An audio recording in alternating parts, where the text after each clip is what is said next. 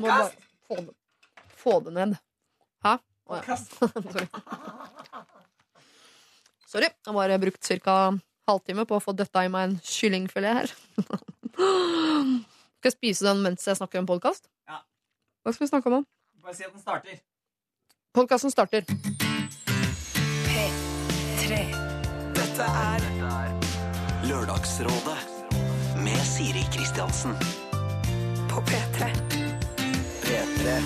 Eh, jeg tenkte jeg skulle fortelle en liten historie fra eh, min bopel som skjedde meg her om eh, dagen. For det er så Jeg vet ikke om det er et vakkert eller om det bare er et tydelig bilde på sånn typisk som skjer i parforhold.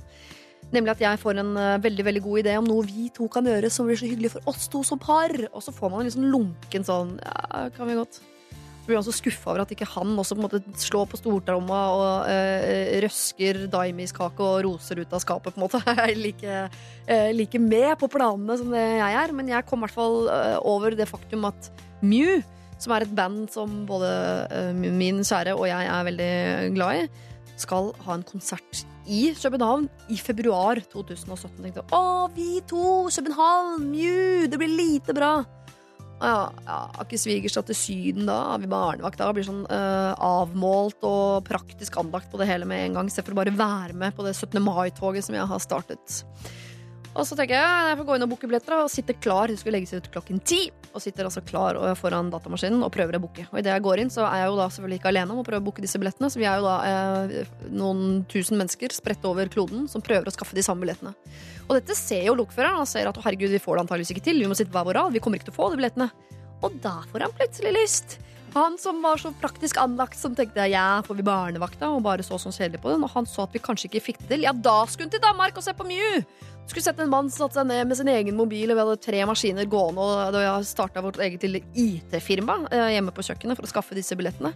Og når vi hadde skaffet billettene, så gikk vi inn på Airbnb og booka leilighet, og da, da altså var 17. mai-toget så i gang. Vi var to stykker i 17. mai-tog i en liten halvdame der hvor det var ordentlig sånn bløtkakestemning, og det var så koselig. Det er så gøy å se hvordan man kan eh, foreslå noe i et parforhold, eh, lunken tilbakemelding, og så bare setter man i gang mølla likevel. Da er jeg helt sikker på at veldig ofte så får pipa en litt annen låt. Man må bare gjøre det litt sånn praktisk for folk. De må på en måte bare i større grad skjønne at det er reelt, at ikke det bare nok en gang er noe man snakker om sånn rundt kjøkkenbordet. At dette er noe som faktisk står på spill. Kanskje vi ikke får det til. Og da får de plutselig lyst med en gang de ser faren for at de ikke får det til. Bare et lite tips til eh, dere der ute som er så heldige å ha en kjæreste. Til dere som er single, så tenker dere bare hva i all verden skal jeg bruke dette rådet til? Nei, jeg vet ikke, altså. Sikkert noe IT-aktig man kan dra ut av det. Det vet ikke, det vet ikke jeg, rett og slett. Lørdagsrådet På P3. P3. Dette er eh, helt tilbake til før sommeren, faktisk. Og vi fikk inn et problem fra en som heter eh, Bård. Han er eh, 18, han var det i hvert fall eh, da. Han er eh, homofil og kommer fra en eh, familie hvor eh, de er konservativt kristne. Han sa aldri hvilken, eh, hvilken del av kristendommen de tilhørte, men de var konservativt kristne. Han har brutt med denne kristendommen, noe familien tok eh, tungt. Og nå gruer han seg til å også måtte stå fram som homo, noe han eh, tenker at det kanskje kan bli litt for mye for familien sin. På denne, dette problemet så hadde jeg eh, besøk av Erlend Elias, Makeup Marlin og Stian Staysman, og de hadde følgende råd å gi. Lørdagsrådet På P3. Eh, vi har jo lest at Nisme, som er oppe i Nord-Norge, som igjen kan minnes litt om Smiths venner eller sånne ting. Kan du ikke bare si det? Altså Bare ta det hardt og brutalt. Altså Jeg tror ikke uansett, hvis man prøver liksom å pønte på det på et vis Altså Hvordan skal du pønte på at du er Jeg er litt homofil, kanskje? Men, Nei, nei, det prøvde jeg. Liksom ja. bare, ah, jeg blir- Eh, nei, det går ikke. Bare la liksom jungeltelegrafen kjøre i gang Ja. sjøl. Ja. Bare fortell til noen, så veit du at det, det ordner seg. Folk får vite det uansett. Ja. Man er litt sterk. Man må jo ha respekt og aks- aksept for begge parter. Ja. Og så er det jo det om man kan kanskje respektere hverandre for, for den man er. Jeg tror tida bare må ta stjel. Dette er Lørdagsrådet På P3. P3. Sommeren har gått, og Bård har sendt oss en ny eh, mail hvor det står Hei, Lørdagsrådet. Takk til alle som var med og hjelper meg før sommeren, og takk for eh, koppen. Jeg gjorde det! Etter et utvekslingsår i England og ferie med familien i Storbritannia kom jeg ut til min lestansti lestanstianske foreldre. Erlend Elias hadde helt rett der. En sen lørdagskveld. Jeg må si jeg ble veldig positivt overrasket over hvor godt foreldrene mine reagerte. De hadde ikke forestilt seg at jeg er homofil, selv om de visste at jeg slitt psykisk på ungdomsskolen da jeg selv gikk eh, rundt og hadde en intern konflikt med religion og min egen legning. De dro på storsamling i Lofoten helgen etter, hvor de har da fortalt det til det meste av min familie. Altså deres søsken og mine besteforeldre. De har så langt eh, tatt det ganske bra, men jeg har jo ikke møtt dem i person ennå. Noe jeg kanskje må snart, ettersom jeg skal i min gammelonkels begravelse. Vi får se, da. Men alt eh, i alt er eh, i hvert fall alt så langt positivt. Og lite har endret seg i kjernefamilien ellers, heldigvis. Tusen takk igjen, med vennlig hilsen eh, Bård.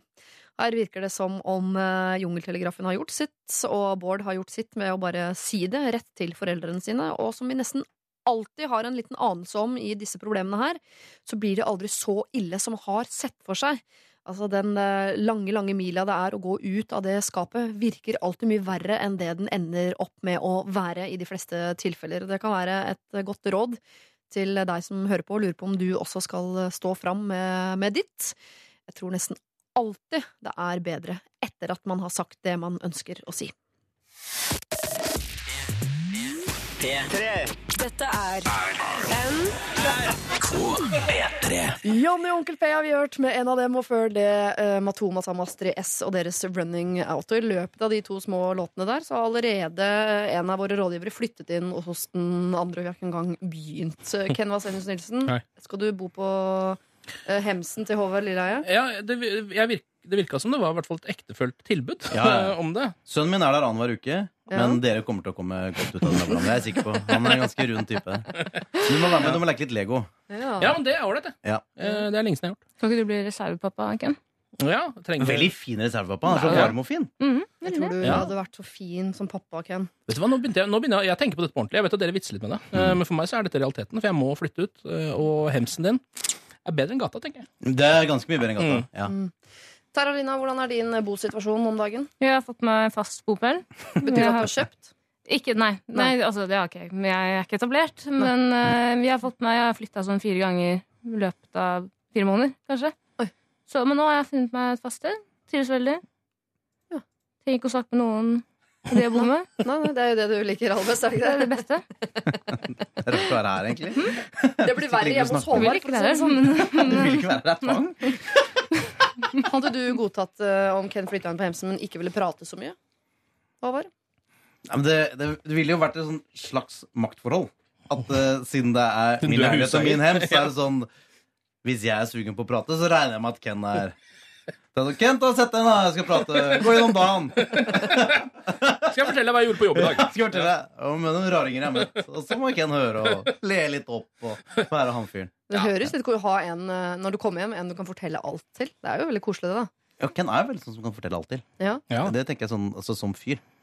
Men, eh, jeg skipper dere. Dere hadde vært det perfekte paret, faktisk. Mm. Jeg ser på det nå, tenker dere er veldig joviale, veldig folkelige og karismatiske begge to. Mm. Men hvem er den feminine av de to? Og ikke tenk på skjegget. Det er juks å ha skjegg bare for å være den mannlige. Um, nå kjenner jo ikke jeg deg eh, så godt, men jeg tror Ken har litt sånn metoseksuelle metroseksuelle tendenser Ja.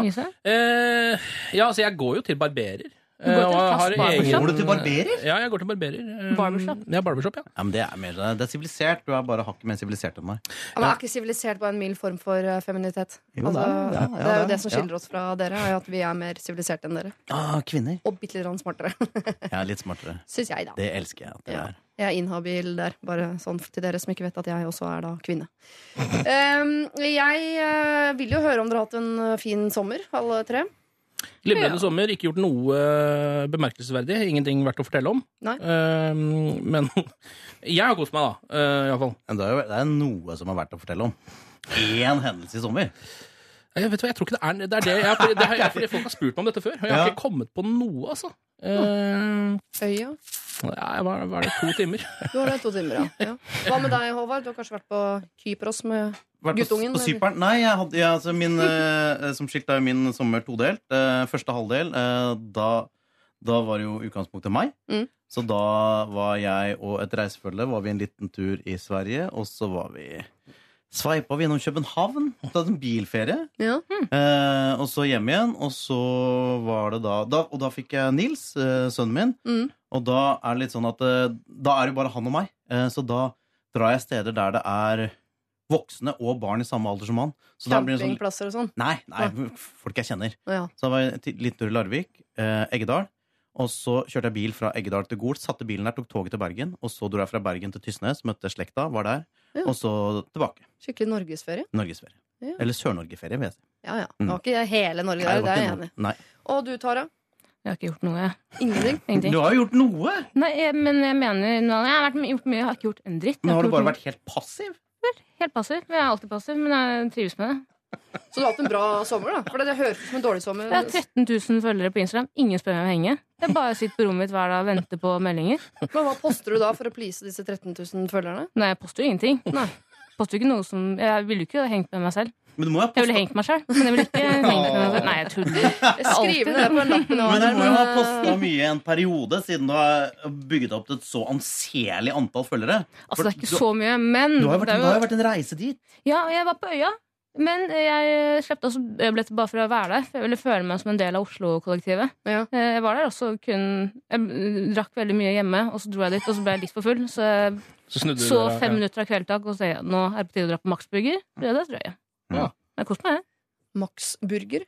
Max Burger. Ja, så først var Max Burger, Tenkte sånn, da kjøpte jeg noe blank, og så dro jeg hjem, og så snekra jeg en benk, og så, og så gikk jeg Beisa i terrassen, og så Og Det hadde vært nydelig hvis det var det du hadde gjort. Det hadde likt kjempegodt. nattåpen Max. Dere, vi skal løse problemer i dag fram til klokka tolv.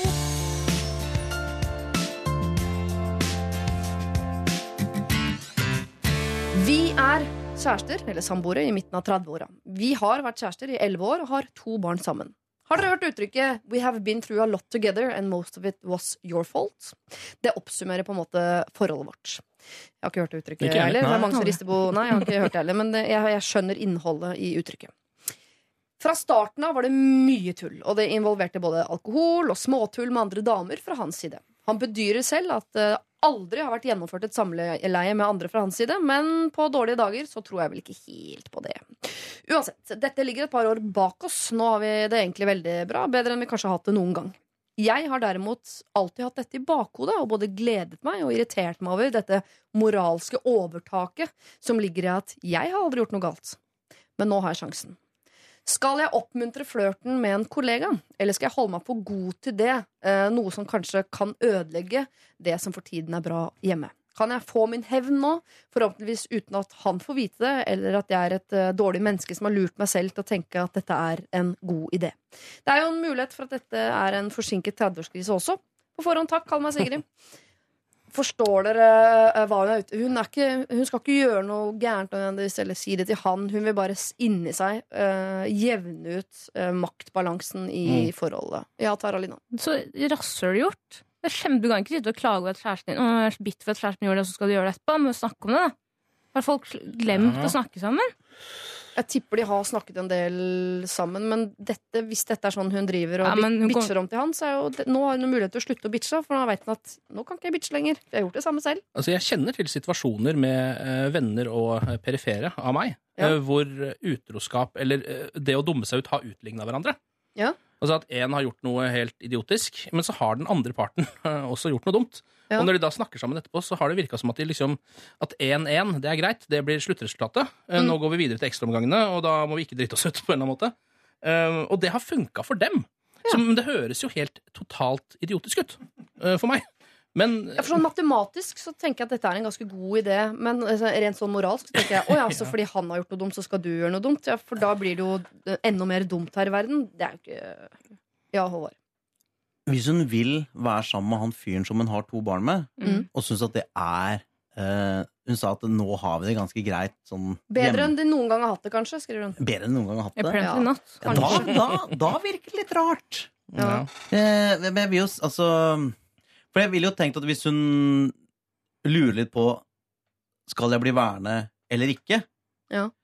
og hun uh, syns at uh, kolleg, altså, kollegaen er, uh, er helt fantastisk, Nå har man jo ofte en tendens til å overvurdere kollegaers attraktivitet, fordi man, man går rundt dem og du liksom kjenner litt på den der kollegaspenningen. Ja, det har du snakket om før. En kollegaforelskelsen. Ja, Ja, er ja, ja, hva, hva er det de sier? Altså, not uh, really good looking, but office good looking? Er ikke det er jo er jo en term, det? Ja, men det er Um, ja. Det fører seg inn i rekken av uttrykk jeg ikke har hørt. Nei, men uh, du forstår, forstår hva som ligger i det. Ah, Ja. Så uh, det kan jo hende at han fyren er litt sånn office good looking, um, og egentlig ikke verdt det. Og altså, jeg Hvis hun ser etter egentlig litt sånn en vei ut, så kan hun jo gjøre det. Men hvis hun tenker at han fyren som hun er sammen med, skal hun være sammen resten av livet, eller i hvert fall eh, nærmeste eh, 30 måneders periode, Mm. så, så ville jeg vel holdt meg der. Og Men det, være ryddig. Er dette en dårlig unnskyldning for å uh, flørte med fyren du har lyst til å flørte med, tror dere? Nå skal jeg si noe rart, Mm. uh, og det at sånn moralsk sett så syns jeg det er feil. Veldig rart Det å er si. veldig Det er det, rart. ja. Um, Ja, men, jeg, altså, jeg, men nå, skal jeg, nå skal jeg dele. eh, dele fra mitt eget liv. Mm. Og jeg har alltid levd etter det at eh, i forhold så ligger du ikke rundt. Eh, og det er liksom valg du tar for deg sjæl, og ikke for partneren din. Eh, for man kan ikke alltid kontrollere hva alle partnere driver med å gjøre, og hvem de møter. Eh, men det er lurt å ha liksom noen valg som man bare tar for seg sjøl. Sånn, Egenintegritet. ja, altså, sånn, det du dette er min, dette er Ja. min vei, den står jeg for. Og Men er det ikke Så kanskje hun ja. utjevner den moralske balansen i paret, men i seg selv så fucker hun jo med den moralske balansen. Ja, så eh, jeg, jeg, Mm. jeg ville ikke gjort det, altså. Men det er jo også noe veldig irriterende å liksom følge noen spilleregler som ikke motstanderen din eller partneren din følger. Altså Det er bare du som bryr deg om de reglene. Ja, jeg Um, vet ikke, men altså, noen, noen regler er for deg sjæl, tenker jeg. Ja. Og ikke nødvendigvis Altså, det er klart, når man, eh, når man er i et forhold, så, så er man jo noe mer enn bare seg sjæl. Mm. Men dypest sett så er vi jo alle aleine. Takk for det. Ja. Så derfor lønner det seg å ha noe sånn 'Dette er meg, her er jeg i verden, dette syns jeg er riktig og galt å gjøre'. Ja. Selv om du i overført betydning blir pult i ræva, så lønner det seg. Men la oss, eh, hvis vi skal dra det ut i det ekstreme, nå kan jeg skissere opp et slags scenario. mm. Hvor denne Du er spent nå? Hvor denne dama her, Sigrid, um, er nå driver og holder på med han Altså er sammen med kjæresten sin. Mm. Og så gnager det ganske kraftig at han har vært utro. Det, hun klarer ikke å slippe på den tanken. Det Nei. går liksom ikke helt bort. Så til slutt så eh, vil hun da kanskje bare tenke sånn Nei, nå går jeg fra deg. Det har gnaget såpass lenge. Eh, Jeg er for snill, og du eh, gjør fucker for mye opp. Hvis det da kan være redningen at hun kliner litt med en fyr, kanskje det er verdt det. Ja, men det er ikke det. Nei. Det er ikke det. Da, da lurer du deg sjæl. Hun er jo ikke forelska, åpenbart. De er ikke forelska i hverandre. De har bare kids sammen, og så må de være sammen. Det er sånn det er. Ja. Men de har det bedre enn de kanskje noen gang har hatt det. Men det kan hende du har rett allikevel, Tara. At grunnen til at de har det bra nå, er fordi ingen bryr seg egentlig lenger. Så det er litt sånn behagelig og deilig å være sammen, bare. Det er ikke noe drama, ingen har pult noen andre. Det er litt sånn stillstand. Så det kan være en grei test på forholdet. Men jeg synes jo, jeg kan jo Jeg kan ikke relatere til henne, men jeg kan sette meg inn i hennes situasjon. Jeg skjønner jo helt klart hvor, frustrasjonen hennes. Det er jo kjipt å tenke på at du er sammen med en fyr som har vært litt rass, og så um, har ikke det på en måte blitt ordna opp i, da. Eller har ikke fått noen konsekvenser. Har ikke fått noen konsekvenser, men det er på en måte hennes valg. Da må hun på en måte si ok, enten så velger vi å være sammen med fyren, og så ordner vi opp i det, og snakker om det og får alt ut på bordet, eller så dumper han. Jeg har hengt meg opp i en ting i mailen her som er uh, Det ligger bak oss. Vi har det bedre enn vi kanskje noen gang har hatt det. Og så spør hun eh, Nå gjør Mm. jeg ikke teksten i mailen. Hun er lei av kjæresten sin. Hun er lei av kjæresten sin. Ja, men alle er jo lei av kjæresten sin hun- han har vært sammen lenge nå. Ja, ja, men så prøver hun jo å justify for seg selv. Sånn, ja, men han var jo, ras han var jo dusj før, da, så jeg burde få lov til å være litt dusj nå. Det er ikke det at uh, Og så håper hun at det skal bli slutt? Er det det du Nei, ikke egentlig. Jeg tror hun bare håper på å eh, få lov til? Vil ha et åpent forhold uten at det er et åpent forhold, for de har ikke snakka om det, tror jeg. Men kanskje de skal få et åpent Jeg tror hun Kanskje har er oppmerksomhet og drama. Jeg, tror hun, jeg tror ikke hun er lei av han. Jeg tror hun er lei av tralten. Vent, da, nå de oss her. Skal jeg bare ta så, uh, ta, stikke denne gaffelen inn i det gnagsåret og vri litt rundt? Det er det hun lurer på. Ja. Og jeg skjønner at Sigrid vil det. Hun er vant til at det er litt drama i forholdet. Nå er det ikke det. Og det er bra. Men oh, ja, kanskje det er det? Det er veldig godt poeng det du bringer til torgs der. At hun, at hun, er, at hun vil at det skal være litt sånn gnisning og commotion. Mm. Ja. Mm. Og så er det på en eller annen måte Hvis han De har vært sammen i ti år, var det?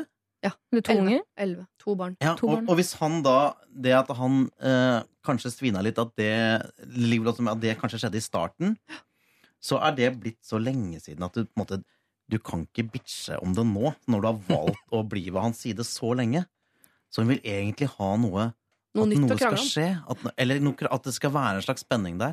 Høres ikke helt sunt ut. Jeg, kan jeg si en ting? Jeg er Ja. ikke så glad i barn. Men, men når du har barn, så handler det ikke om deg sjæl lenger. Det handler om barna dine. Det, er- du skal ikke drive og gå Nå er dere voksne. Nå er dere et forhold. Dere har to barn. Ikke driv med det derre barnslige Jeg er 21 år gammel, og jeg ber to 30-åringer skjerpe seg. Ikke første gang jeg har gjort det, Ken. Det er ikke det. Jo, men det er noe i det. Altså, jeg skjønner, hvis dette her har vært et kjærestepar som har gikk rundt og kjedet seg litt, så kunne andre ha eh, klypet en annen i rumpa, så kunne de krangla litt om det, og så kunne de ha knulla hverandre etterpå, og så hadde det vært gøy. Og, he, he, he. Men de har to barn sammen, og de De har har det bedre enn de kanskje noen gang har hatt det. Kanskje vi bare skal ha det sånn, eller? Ja, Kanskje det. det. Ja. Kan du Ja. Tusenfryd? Jeg, bare får, jeg tenker at Det er jo det åpenbare svaret, men det må ligge noe annet bak siden noe i det hele tatt kommer til oss med dette problemet. Eh, Ja, for- jeg. Det vi glemmer er at Hun sier at hun ikke har tenkt å si det til mannen sin. Hun vil bare inni seg ha det moralske eh, Slutte å ha det moralske overtaket. Og du, har, du, har du hørt uttrykket 'two wrongs don't make it right', but a damn does make us even? Har du hørt det? Mange uttrykk. Det er det mye er uttrykk. Det er veldig mye uttrykk i dag. Eh, men det er jo noe i det. Fordi altså det, um, jeg, altså, jeg skal, vil, jeg, Det er veldig rart for meg nå å bare si sånn Jo, du burde stikke og være utro. Uh, men samtidig så kan jeg liksom forstå den indre kampen som gjør at kanskje det for henne vil føles jeg, vet ikke, kanskje, jeg tror kanskje noe sånt kan være sånn redningen også, for det her virker jo ikke som et veldig sånn sunt forhold i utgangspunktet. Hvorfor ikke? Fordi de har det bedre enn noen gang. Eh, fordi at hun sender oss denne mailen.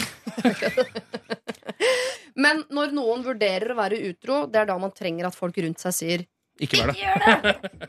Så vi kan ikke sitte her og, og si uh, at hun skal gjøre ting som er uh, per definisjon dumt for et forhold.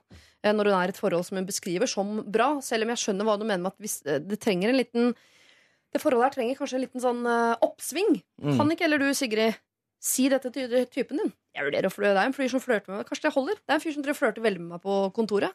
Allerede der kommer mannen din og tenkte ja, men i helvete, du er jo min. Og så, Hvor er den? Så skal jeg Banke eller dritten ut da. ja, ja, bare det, kanskje det er nok spenning. Kanskje ikke du trenger å gjøre Du har planta noen, eh, noen sånn frø i hjernen hans som gjør at han Så er det han to små barn her. ja, det er to små barn. Ja, men at han får den derre er Du er min på mitt dame eh, dama mi. Det er ikke så dumt, kanskje. Ja, det er enten det, eller så må man jo avvenne seg eh, spenning. Eh, fordi spenning varer ikke så veldig lenge i et forhold heller. Nei. Liksom. Er det omslov, det der? Eh, det tror jeg er oms. Eh, ja. Hvor lenge kan spenning vare i et forhold? Altså, er det, noe, er det Jeg- to, to år? Jeg har hørt at eh, par som er gift i sånn 80 år og sånn, det er ikke det at de er nyforelsket hele tiden, men på et tidspunkt skjønner man at vi skal være sammen, og da er det lov til å titte, men det er ikke lov til å ta. Er det det det heter? Det er ikke lov til Det var du som kom med dette. Jeg har aldri Nei, hørt om men- det før. Fristende å tro at det skal ende på fitte, da, det greiene der. Hvis du skjønner. Det er lov å titte, men ikke ta på noen andres fitte? Det Er vil det jeg tro. Jeg er- liker det er veldig er godt. Ja. Men poenget er at man på en måte en gang skjønner at uh, du skal jo finne deg en partner som skal være der for life.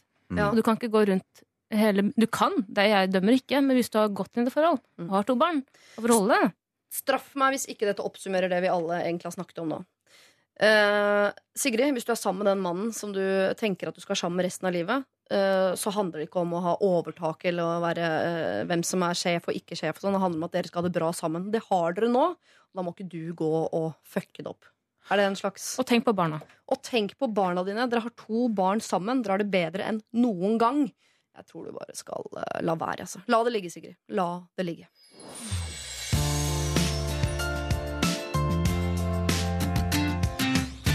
Hei, jeg er Coop-medlem fordi min nærbutikk er Coop Extra. Av og til, egentlig ganske ofte, når jeg står i kassa, hender det at de foran meg ikke er Coop-medlem, eller bare glemmer å registrere kortet sitt. Jeg skjønner hvor dette går. De har passert kassa i det de skal betale, og det er fristende å bipe mitt kort, slik at jeg får deres Coop-bonus, som jeg tror ligger på ca. 1 av det du kjøper. Er. Så jeg lurer på hva som er greit her. Kan jeg snike meg til å bipe kortet? Kanskje late som om man er for tidlig ute til å bipe sine egne varer? Eller skal jeg spørre om jeg får lov, eller er det kun greit hvis det er under et visst beløp? Jeg kan legge til at jeg er 24 år og i et lavtlønnet uh, yrke, i 100% jobb, singel og bor i kollektiv med en venninne dersom det er relevant. Ja, det syns jeg det er. Pia. Her er vi også uh, ute etter eh, å sette en moralsk grense for hva uh, vi kan drive med. Skal Pia bipe Coop-kortet sitt på andres varer, Tara? Coop bryr seg ikke om Pia, så Pia trenger ikke å bry seg om Coop, tenker jeg da. Coop, Ja. Coop taper ikke så mye penger på det. Hun har betalt masse for poser opp igjennom. Nå får hun tilbake. Ja, det er sånn skatte. Det er sånn skatte. Du får sånn skattepenger tilbake. Tilbake igjen på skatten. Ja, men jeg tenker at det er noe annet. Det er jo det å snakke til vedkommende foran i køen.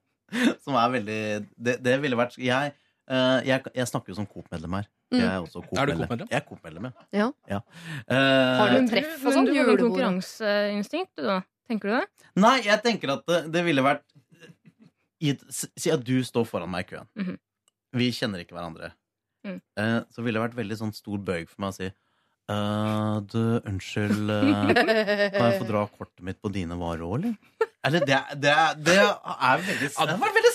Men var, var det ikke snakk om Jo. å bare gjøre det her også, uten å spørre? Jo, det er også et alternativ å ikke spørre. Ja. Men jeg tenker, hadde en prikka meg på skulderen og sagt Kan jeg pipe Coop-kortet mitt på varene dine, så hadde jeg blitt så perpleks at jeg hadde ikke, jeg hadde ikke funnet opp svaret nei engang. Jeg hadde bare øh, Ja, ja. Jeg hadde ikke rukket å tenke nei engang. Jeg hadde bare Kan noen bare forklare meg konseptet med Coop? Det er vel noen rabattgreier, er det ikke? Ja, Noen du- bonuspoeng? Du, har- du, har, du har et kort, da. Mhm. Coop-kortet. Ja. Eh, du har et medlemsnummer. Mm. Og for, det, for at Coop er jo medlemseid. Det er jo ikke det Er du sponsa av Coop? Ja, det, det, er, det er litt rør, men det, Mm. ja, det, det er liksom det de selger sånn, da. Og så um, Og så da, når du drar eh, kortet ditt, Coop-kortet, så får du da 1% igjen av det du kjøper. Så det er ganske lite. Når får du de pengene, og hvordan sånn? Får du en hundrelapp hjem i står posten? på en eller? eller annen Jeg har sikkert noe Coop-penger på en eller annen Coop-konto. Ja. Et eller annet sted. Ja. Og så får du også Fortell meg Du får også noen eh, øre minus på, eh, på bensin og sånn. Det er samme som Trumf. Jeg har jo Trumf. Ja, ja, eh, Jeg er medlem Trumfklubben. Samme prinsipp!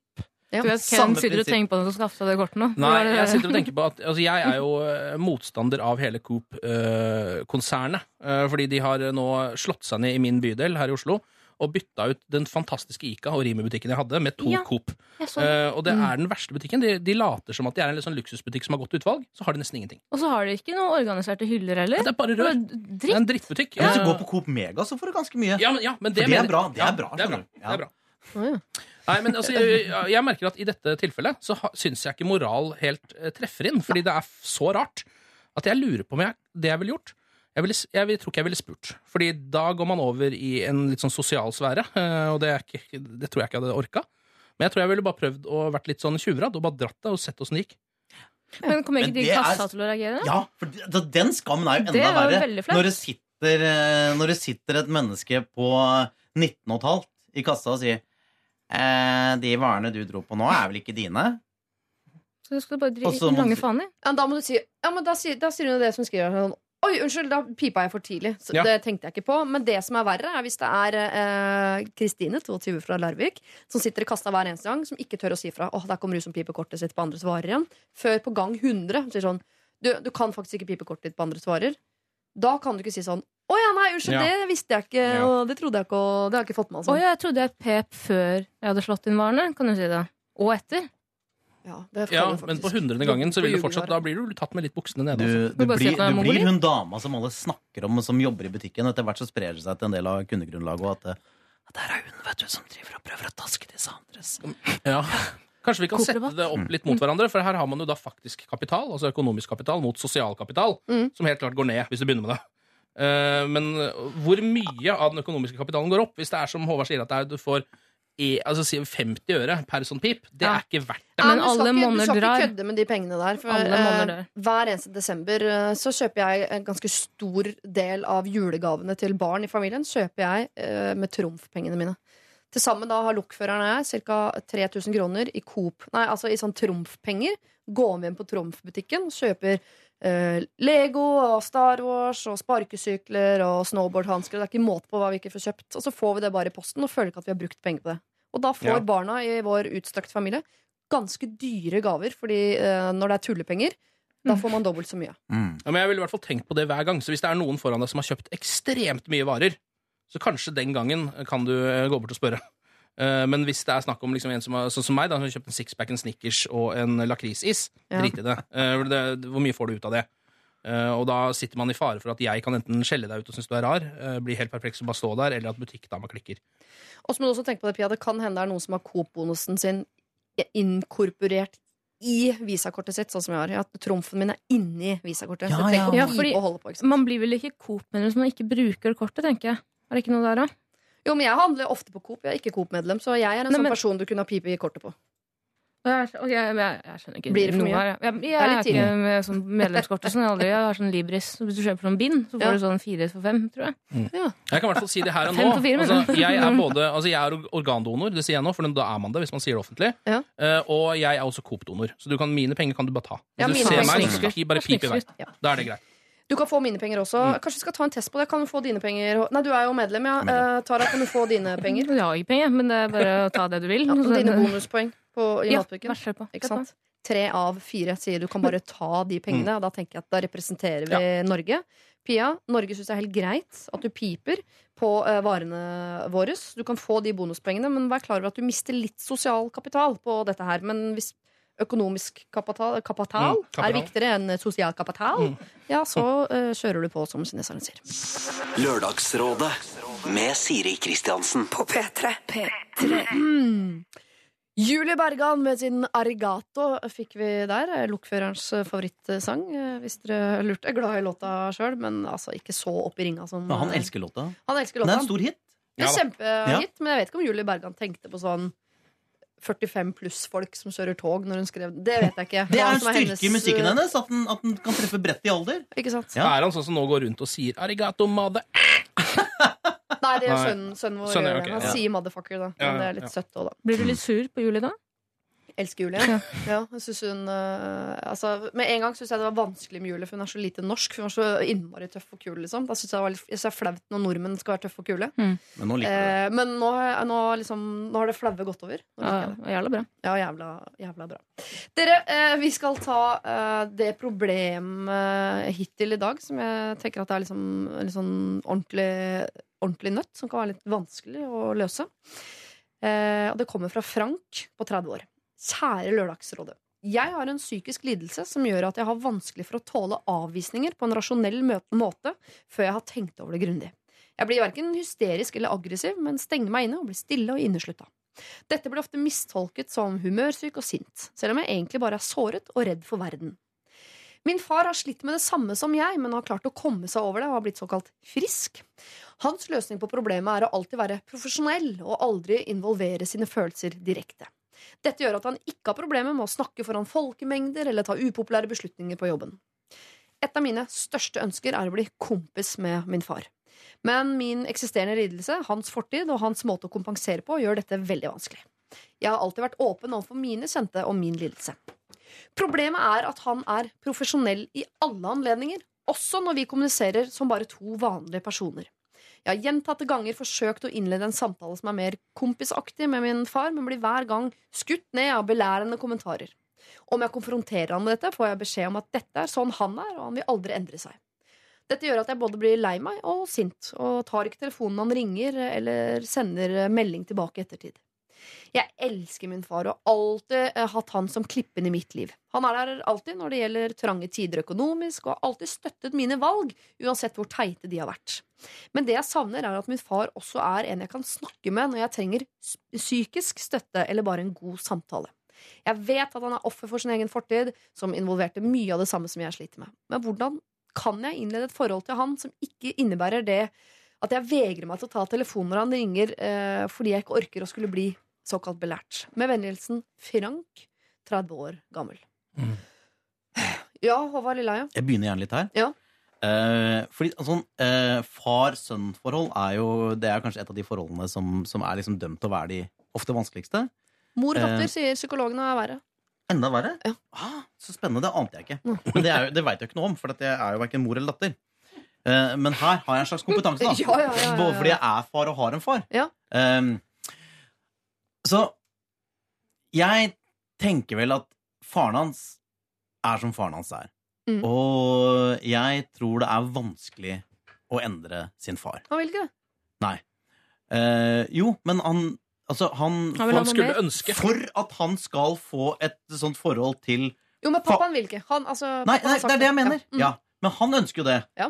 Frank ønsker det for, for å kunne komme nærmere også emosjonelt eh, med, med sitt eget blod. Og det er jo veldig sånn Og så tenker jeg også litt sånn generasjonsgreie. Jeg, jeg føler ofte at det, det, det er mulig at jeg er naiv på det, men jeg tenker at, eh, at eh, min, min generasjon, som fedre, er på mange måter mye flinkere enn fedrene våre var. For vi, vi er liksom opp, oppdratt i Likestillings-Norge. Vi har liksom lært oss at eh, du, du kan snakke med, med alle om følelser og, og sånn. Så jeg tenker vel at når far er som far er, eh, så må du søke de andre tinga hos andre. Altså den på en måte emosjonelle aksepten, det å kunne snakke dypere om følelsesmessige ting.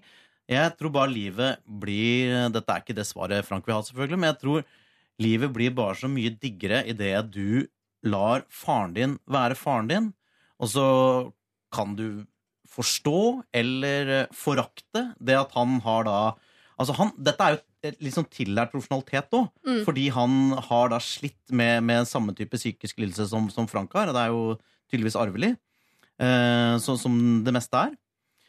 Så jeg, jeg vil Livet blir mye bedre hvis du aksepterer faren din som Mm. faren din med de svakhetene han har, og så må du bare Du må prøve å få de andre typer relasjoner må du prøve å få med mer jevnaldrende, altså andre folk du har i sfæren din. For det er tydelig han sier det at han er veldig åpen med sin lidelse i forhold til de han kjenner. Ja. Så det er tydelig at han har folk, tenker jeg da, i sin eh, bekjentskapskrets som, eh, som forstår han, og som han kan prate med. Og så må han bare akseptere at eh, faren min er ikke han fyren. Ja, jeg, altså, jeg, jeg er jo enig i det, men samtidig så kan jeg jo forstå at Frank vil tenke sånn.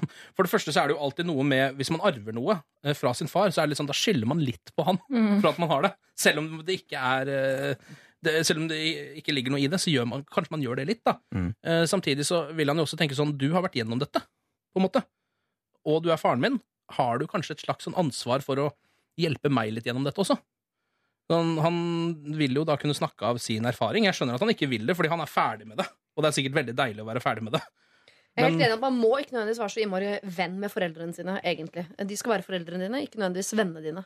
Men her har du liksom førstehåndsinformasjon om det du strir med, fra han som skal stå deg nærmest. Så det er jo dumt at ikke de kan i større grad dele den eh, erfaringen rundt denne lidelsen. Mm. Men kan det hende at pappaen til Frank eh, rett og slett kjenner seg såpass igjen i Frank at han blir frustrert og irritert fordi han skjønner hvor jævlig det er? At det blir for mye for ham? Ja, at eh, han er jo litt sånn old school. Han er litt gammel skole. Eh, og jeg, sånn det jeg vet om gammel skole, at man ikke snakka så mye om ting. Det var veldig mye tabubelagt. Mm.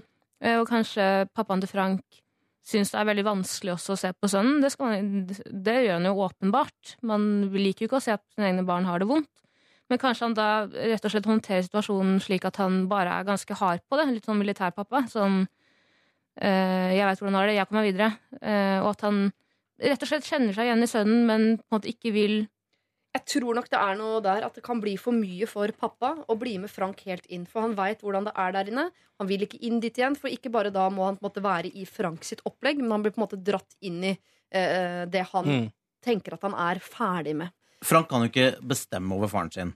Eh, og hvis vi da legger til grunn at eh, faren har hatt eh, denne lidelsen, eller har om det ligger latent, eller om han bare har lært seg å beve- kontrollere den, Mm. veit ikke, eh, men at han da har rett og slett har valgt et mer, hva skal jeg si, sånn emosjonelt avstumpet liv for å kunne takle sånn eh, utad eh, den, den han er, at, at han skal fungere, så tenker jeg Og selv om det, det må være utrolig vondt for Frank, selvfølgelig, fordi de har samme lidelse, men det må jo være for faren òg Det kan være nesten umulig for han.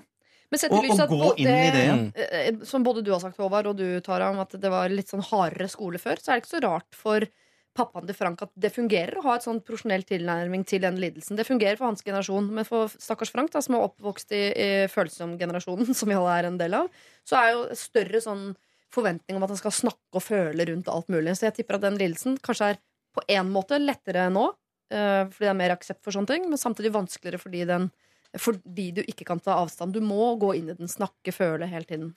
Ja, fordi en vei man kunne ha gått, er jo eh, at eh, han på en måte kunne ha lært litt av hva hans far har gjort, Mm. for å ende opp der hvor han er. Um, men det ville jo sikkert være veldig rart for han. For det virker jo som, det er jo det som er litt sånn spesielt her, at uh, det virker litt som faren vil ha litt sånn distanse til den tiden, altså den lidelsen som Frank nå er midt oppi. Mm. Mens Frank vil, ha, vil liksom ha, ta avstand igjen til hvordan faren er nå. Så det virker ikke som han heller vil bli som sin far. Nei, hvis du skjønner? nei. Altså han, Nei, det inntrykket har jeg også. Ja. Men da egentlig det spørsmålet man har stilt seg uten at vi har noe makt til å gjøre noe med det, så er jo det egentlig det spørsmålet vi tar stilling til, er eh, pappaen til Frank. Skal han leve sitt liv sånn som er best for seg selv, eller sånn som er best for Frank? Jeg han er 30 år. ja, at faren kommer nok til å leve livet antageligvis sånn som det er best for han. Og det er, altså, det er jo sånn i livet at, at hvor mye du skal kjenne etter på ting det er jo, det, Dette er jo valg vi alle må ta, ikke sant? I, i forhold til at vi skuffer oss sjæl, andre skuffer oss. Eh, eh, livet har eh, fine tider og verre tider. Og, og det, for Frank er det et annet, for han har, har en, en lidelse. Eh, men hvor mye man skal kjenne etter, er jo noe vi alle velger, ikke sant? Og det å også akseptere at foreldra våre ikke alltid er alt vi skulle ønske de var. Nei, og ikke løsningen på alle problemer heller. Det er jo liksom også ting vi bare må Vi må lære oss å leve med. For at det, jeg, hvordan han klar, Jeg tror ikke han klarer å endre faren sin. Nei, det tror ikke jeg heller. Jeg Nei. vet ikke om Frank har en partner, men jeg tenker at den derre eh, følinga kanskje hadde vært en finere ting å ta med partneren sin. Men han sier, jo, han sier jo egentlig ikke at han vil en han skal drive og føle med. Han vil ha en kompis. Hvis det er sånn at han vil ha en å, å se på fotballkamp eller jeg vet ikke hva han egentlig er på jakt etter, men tydeligvis så jakter han på noe hos faren sin som, som han ikke får tak i. Og han har til og med sagt det til faren sin, og faren sier at nei, det får du ikke tak i her. Sånn er jeg, og sånn kommer jeg til å være. Så tror jeg Frank vil få det bedre ved å eh, legge den ballen død, rett og slett. Kanskje han også har en feil tilnærming til hele saken. Kanskje Frank går litt for hardt på, selv om jeg mener at Frank har all rett til å føle det han føler. Men kanskje han må gjøre det litt mer subtilt, må det gå litt liksom innenfra og så spre seg ut. Eh, og ikke gå rett på 'pappa, jeg er sannere venn'. Jeg skjønner hva han mener, for det, det er vanskelig å konfrontere folk med at Hei, du! Vi skal ha et nærere forhold. Ja. Og så er det Eh, pappaen din, da. Ja, Det liksom skal noe- Du må ikke være sånn som du er, du må være sånn her. Ja. Det funker jo aldri. Åh, nei, så kanskje, Men Frank er jo 30 år, så jeg skjønner hvis han tenker at uh, uansett hvilken tilnærming jeg bruker nå, så det, det virker som om Jeg synes det er rart om de plutselig blir bestevenner nå i en alder av uh, Frank 40 og pappa 60. Altså, Pappa har alltid sagt en ting til meg som jeg har bare måttet forsone meg med, for jeg kan relatere litt. Men pappa har vært veldig snill, men vi har ikke snakket om følelser. Han har sagt Tara, du må skjønne at vi er foreldrene dine, ikke bestevennene dine. Og det kommer vi aldri til å bli. nei. Nei. Ja, men det sier men det er bare true call facts. Liksom. Ja. Det er jo, for mange er det sånn, for noen er det ikke sånn. Jeg tror man bare må Jeg får alltid litt litt sånn uh, vond smak i munnen når jeg hører Det er veldig amerikansk med jenter som sier at 'mamma er min beste venn'. Jeg, Nei, vær så snill. Ja, ikke? Det var så deilig jeg tok den samtalen med mutter'n en julaften her for noen år siden. Kanskje feil dag å ta det på, men sa sånn Vi er jo ikke, best, vi er jo ikke venner på den måten, og det syns jeg ikke at man skal være med foreldrene sine. Helt enig, sa mamma. Det er så digg. Vi er helt enige om at mor, datter eller foreldre, barn trenger ikke nødvendigvis å være så gode venner. Så lenge man er en god mor og en god datter osv. Det er mye viktigere. Men, han men? Frank vet jo at pappaen er glad i han. Det sier han jo. Ja. Pappaen stiller jo opp, og kanskje det er det viktigste. Han har i hvert fall en far som er der når det trengs. Og så får han egentlig bare gå. Det er trist å si, men han må kanskje finne noen andre som man kan, som Håvard og alle sa egentlig, at man, han må finne noen andre å ha de relasjonene til, da. Rett og slett. Frank, jeg vet at du skrev inn hit og håpet at vi skulle sitte på en eller annen magisk nøkkel som gjorde at pappaen din ble annerledes, og dere fikk et annerledes forhold osv. Men jeg syns egentlig virker du har et ganske fint forhold til pappaen din. Uh, han er der for deg, han støtter deg i valgene du tar, og han er ærlig på hvem han er, og hva han har å by på overfor deg. Så jeg tror du skal godta pappaen din sånn som han er, og det du savner i han, det håper jeg du finner i noen andre.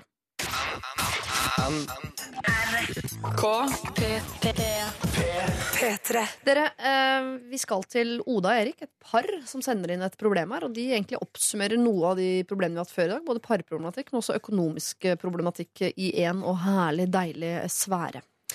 Her står det. Oda og Erik her. Begge er 27 år. Vi har vært kjærester i fire og et halvt. Samboere de siste to. Vi har det helt fantastisk. Vi er åpne og ærlige om følelser og annet.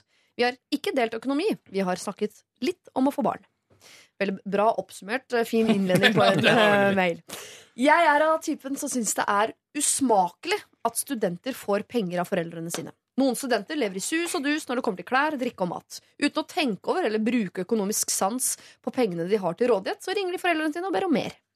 Samboeren min syns at jeg er besserwisser når jeg snakker om disse tingene. Så til problemet. I dag kom det fram for meg at samboeren min de siste fire årene har fått 2000 kroner av foreldrene hver måned. Dette er noe foreldrene hans vil gi barna mens de studerer. Jeg syns det er rart og sårende at han ikke har sagt dette til meg tidligere. Han mener selv at eh, han i begynnelsen ikke ville si det fordi han var flau, og han visste om mine sterke meninger på området. Ettersom tiden gikk, eh, mener han at det ble verre å skulle si det. At han fryktet reaksjonen min, og at det heller ikke var nødvendig å dele det. Det var i en familiemiddag det til slutt kom frem. Jeg syns det er utrolig flott at han får penger av foreldrene. Han er økonomisk og lever ikke over det han klarer. Pengene fra foreldrene er bare et ekstra tilskudd for å bekymre seg litt mindre. Jeg syns det er utrolig at han har klart å holde dette for seg selv så lenge. Da jeg nå fikk vite, så reagerte jeg kraftig. Jeg gråt, ble sint og angrep med ord. Jeg føler meg lurt. Samboeren min mener at det ikke er noe big deal. Han skjønner ikke mitt sinne og er nå sint fordi jeg er sint. Hadde jeg en grunn til å bli skuffet og sur? Jeg kjenner at det er vanskelig å legge det tilbake meg uten at han er enig i mine argumenter. Han fryktet reaksjonen min, og jeg skjønner ikke argumentene hans. Hvordan skal vi legge det tilbake oss? Hilsen Oda og Erik. Ja, da må man i hvert fall altså, ehm, Et veldig dårlig utgangspunkt er jo eh, at du ikke kan gå fra det hvis ikke den andre personen er enig i akkurat det du sier. Mm. Fordi sånn vil det ikke alltid være. Nei. Um, altså, du kan ikke over, det er vanskelig å overbevise noen som er uenig i det du sier. Og du kan, det er liksom, noen ganger så må man tenke sånn Han mener noe annet, og det må være greit.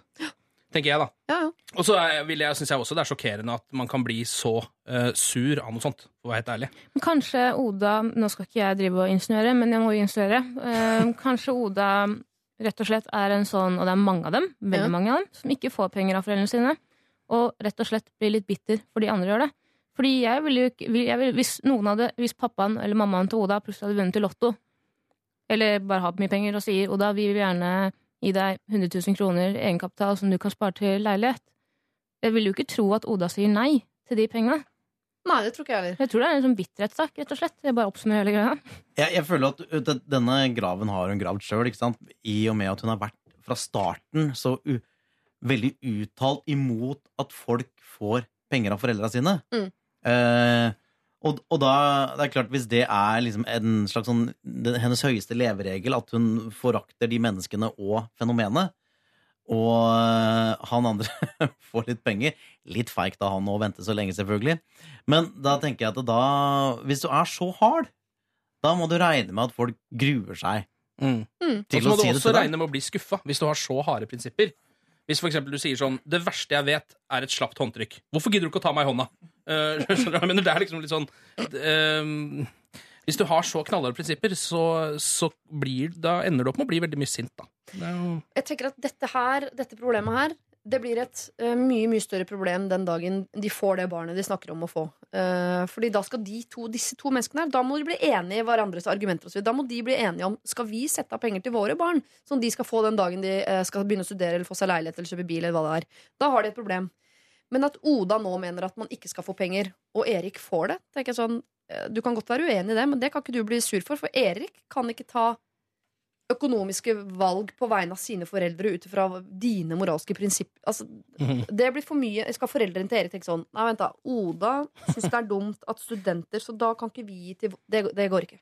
Jeg bare, Det lurer, mener jeg det går jeg bare lurer litt på det. Nå, det her kommer jo ikke fram av denne mailen her, men eh, han har ikke sagt det. Eh, jeg tror mye av grunnen er det at eh, han vet at det vil skuffe henne. Mm. Men så lurer jeg litt på om han har hatt et litt sånn vikarierende eh, motiv der, med å tenke sånn Dette er penger jeg skal bruke Dette er på mine mine ting. Eh, Men de har jo ikke fellesøkonomi. Eh, De har ikke fellesøkonomi, de har ikke vært gjennom det heller. Så jeg syns det er helt fair. Og jeg tenker sånn, mange foreldre liker jo Jeg var hjemme her om dagen, og da slapp mamma en tusenlapp inn i lomma mi. Så jeg trenger jo ikke pengene dine, jeg har penger selv. Så ja, men jeg blir veldig glad hvis du tar det, for det det er en gave fra meg som mor til deg. Ja, da føler er du fortsatt at hun uh, er omsorgspersonen Ja, som, som du er Barna avhengig av. og flytta videre. ut, Ja, barna har flytta ut, de vil gjerne bidra litt. Ja. Ikke sant? Og hvorfor det, det, det har ikke Oda noe med å gjøre. Og det er som, Hva mener hun da? Det er som, eh, samme som hvis du er en veganer. Jeg har jo 100 respekt for veganere, men selv om jeg ikke er det, selv om ikke jeg er det, så har jo ikke du noe rett til å bli forbanna på meg. For det er dine meninger. Men jeg tror det eh, jeg- Det er vi enige om at Oda, kan ikke bli sur på Erik for at han får noe av sine foreldre som hun eh, ikke tenker at hun skal gi til sine barn. Og så syns jeg du skal tenke på, Oda, at eh, hvis du syns eh, barn som får penger hjemmefra, er forferdelig, så har det jo falt for Erik, da, som er en sånn. Så kanskje ikke det er så ille likevel. Men det hun vel egentlig kanskje er lei seg for her, er at han har holdt noe hemmelig for henne. Og da begynner jentehjernen å tenke Ikke bruk penger på meg. hva mer har du holdt hemmelig? Hva, hva er det du holder skjult for meg? Hva, hva blir det neste gang? Hvis du kan holde dette skjult, så kan det jo være hva som helst. Hva er det du egentlig driver med når Men- jeg ikke er hjemme? Og så Men hvordan har hun redd. funnet ut? Har han sagt det, eller har hun sett det? Eller hvor kom, Dukket opp i et familie, en familiemiddag. Ja, det gjorde det, ja. ja, ja. Å, fy faen, Og derfor, å, tenk på den stemninga! Mm. Når akkurat nå, når, det kommer ut, og hun sitter der, og han sitter der Ingen sier noe mens de sitter der. Det blir helt iskaldt i rommet. Folk tror det er spøkelser. Ja, ja. Alle kniver og gafler høres. Oda begynner å skjære i bordet. Men altså, ut ifra den mailen jeg, jeg, For jeg ser jo hva du sier, Siri, med at det sannsynligvis er den skuffelsen. Eller det ville vært veldig, uh, veldig klassisk at det er det. Jeg er ikke Ja. sur for det, jeg er sur for dette. Ikke sant? Men samtidig så virker det som det er litt sånn saus. Altså at det er egentlig litt begge deler. Fordi hun klarer ikke å legge helt bort det der harde prinsippet sitt med at hun ikke liker at folk får penger, og at han er en litt stussligere figur fordi han har fått det. Men så er det også det at han ikke har sagt det.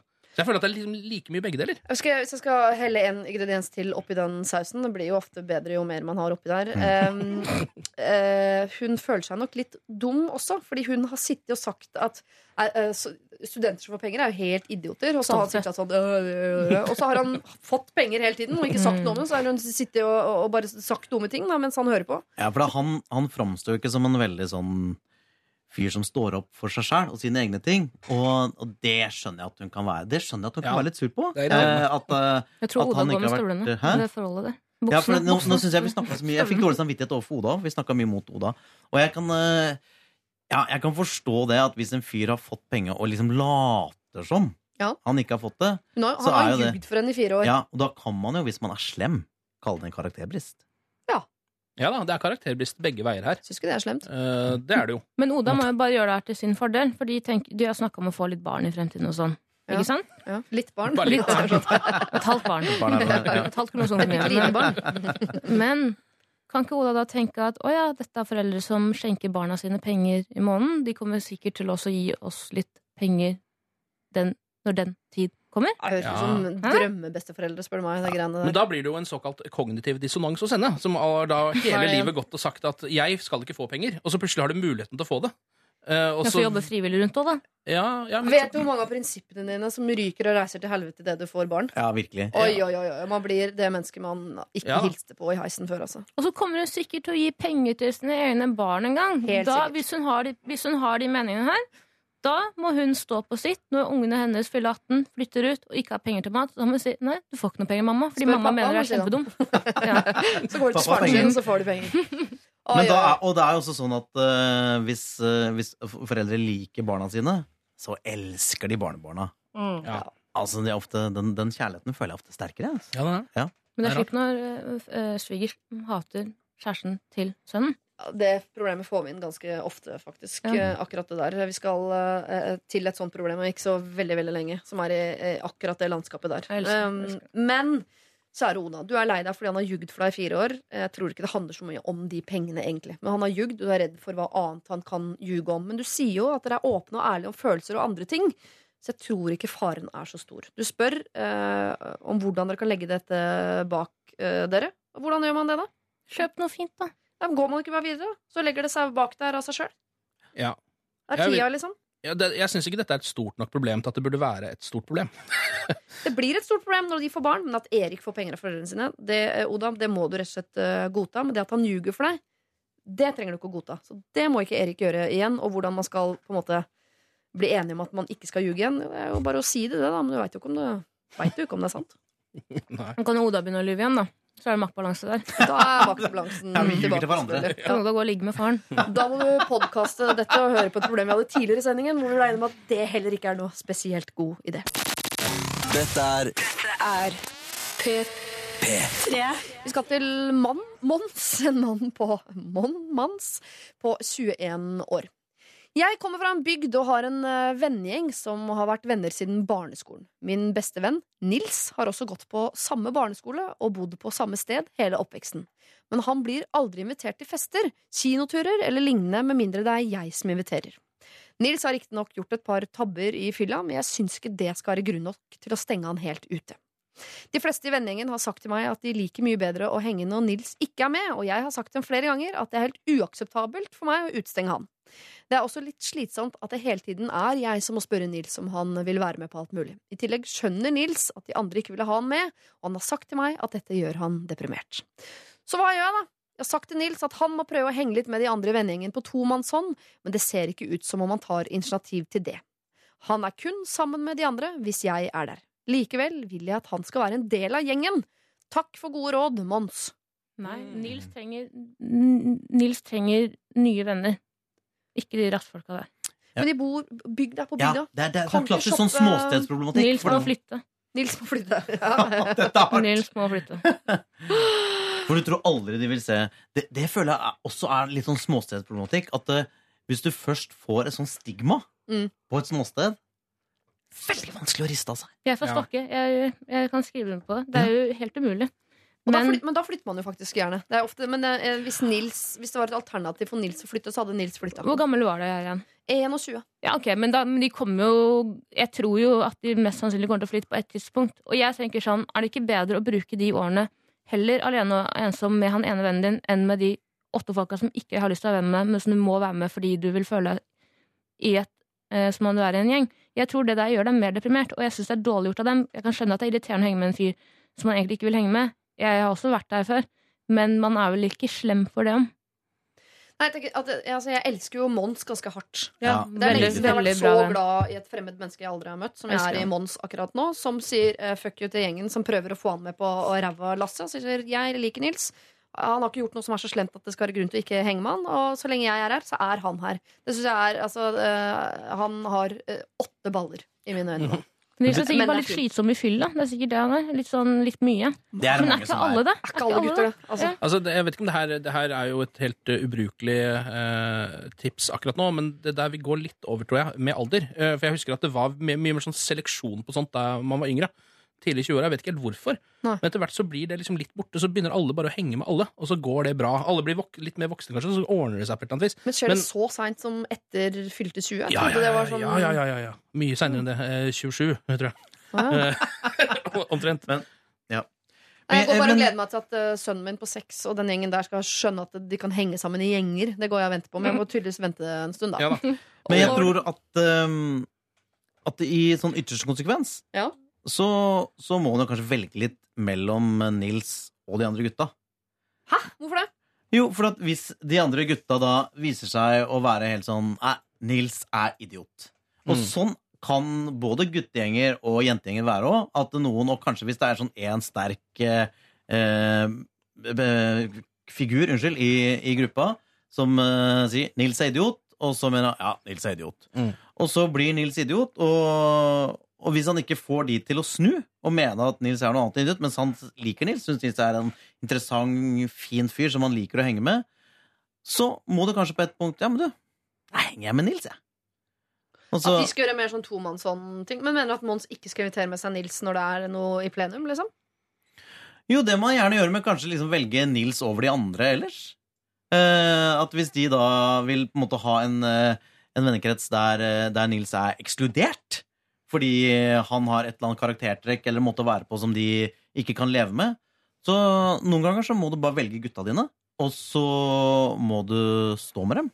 Tenk om Nils er nazist, da. At det er liksom, han er eh, full on nynazist. Ja, altså, hvis det er Veldig noe- da. Da burde det kommet fram i mailen, uh, hvis det er noe sånt. Det kan jeg bare Eh, si for generelt til dere som hører på Lørdagsrådet. Hvis problemet inneholder at den ene er nynazist, så er Ja. fint om dere poengterer det i mailen. Men det høres jo veldig ut som han Monsen her. Ja. Jeg begynner å bli litt irritert av Nils òg. Så jeg tror Mons også faktisk må treat himself også, og ikke på en måte føle at han må være barna for Nils òg. For Nils må også vokse opp, og Nils må skjønne det her sjæl også. Nå får dere ikke lov til å øh, øh, file bort et av de seks parene med baller som jeg har gitt Nei, til Mons. men- men- de må Mons ha. Men Mons sier jo sjæl at jeg begynner å bli ganske irritert, og at jeg må bla, bla. Og han vil jo ikke ha det hele greia selv, så kanskje Mons skal sette seg ned med resten av rassegjengen, guttene som ikke er noe å spare på, Mm. og si nå skjerper dere, dere er 21 år gamle, dere skal snart bli etablerte voksne mennesker, ta dere sammen.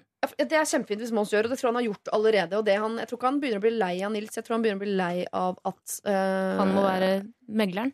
Ja, at ikke ting bare er litt mer sånn uh, At alle bare kan henge. At det skal være Mm. en jobb bestandig. Og det kan jeg skjønne, men jeg skjønner også at Nils ikke i så stor grad gidder å gå og prøve å henge med de på tomannshånd når han allerede har skjønt at de ikke har lyst til å henge med han i det hele tatt. Og Nils er deprimert. Og Nils Mm. er deprimert.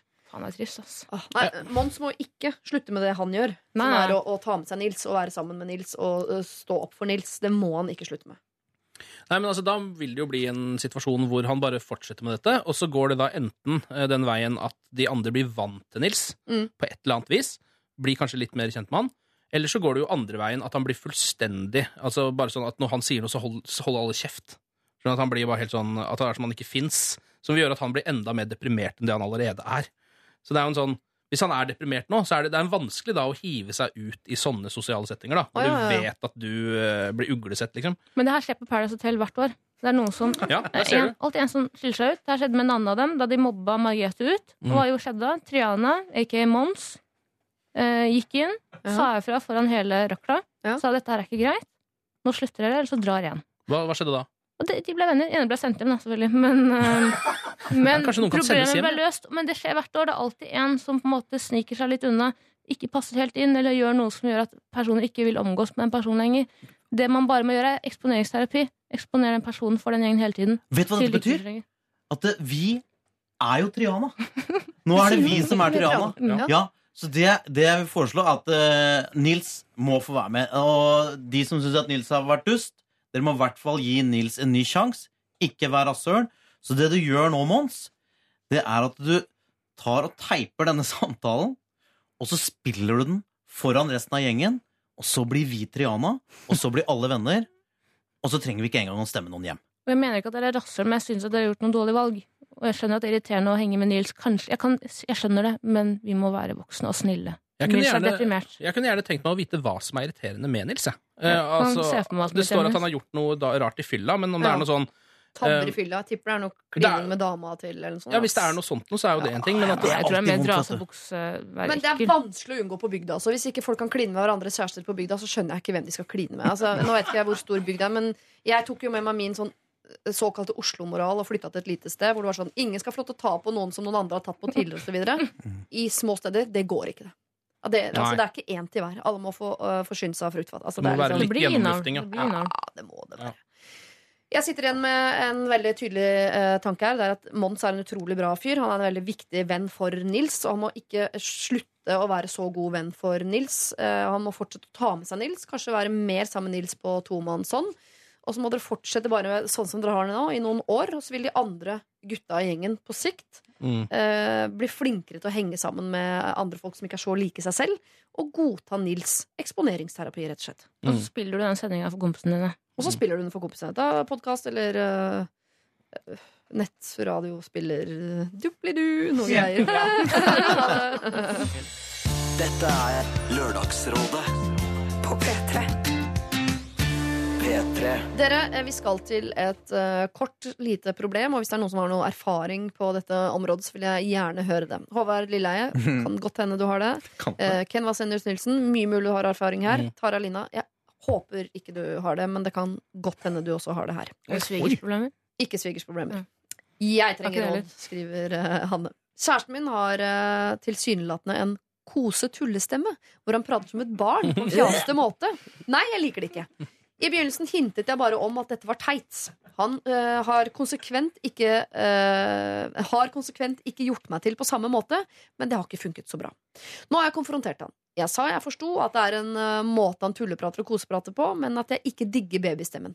Han tok det greit, men han har ikke sluttet med det. Så hva gjør jeg videre nå? Før tenkte jeg eh, det var dårlig stemning og ble irritert når han prøvde å være søt, men nå lurer jeg på om det er løsningen. ass.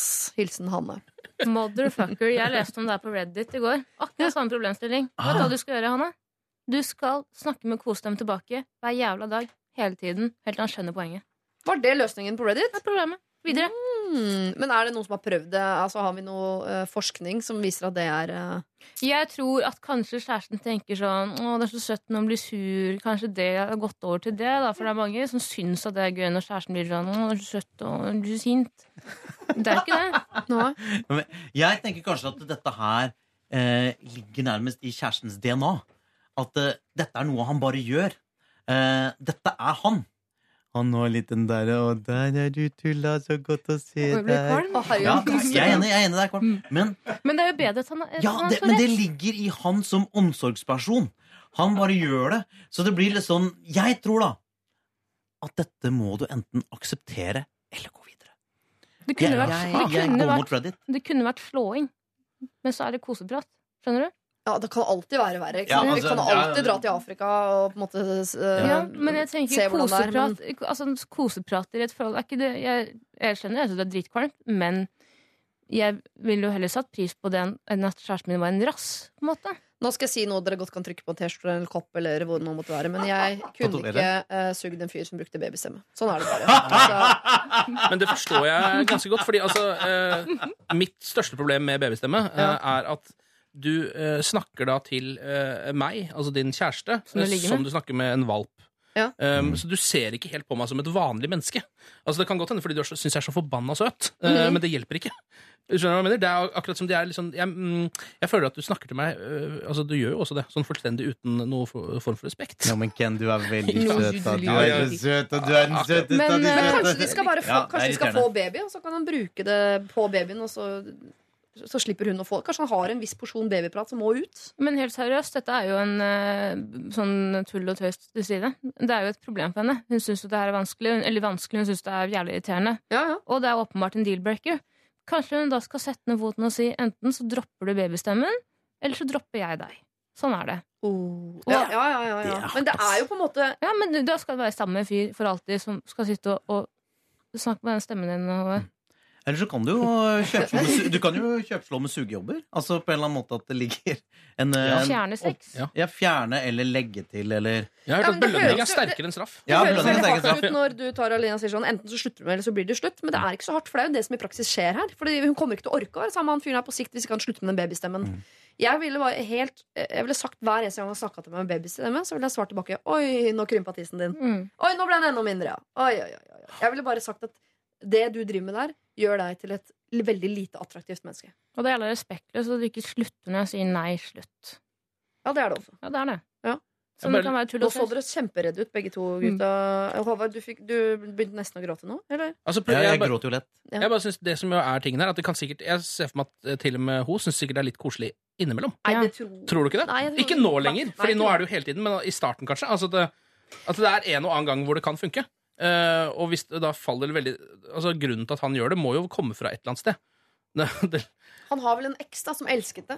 Nei, nei Men men, det, er en annen, det er hans måte å vise affeksjon på. Og det er liksom veldig sånn mislykka For det er mer en sånn uh, at du er en generasjon over-aktig måte å gi Mm. affeksjon på.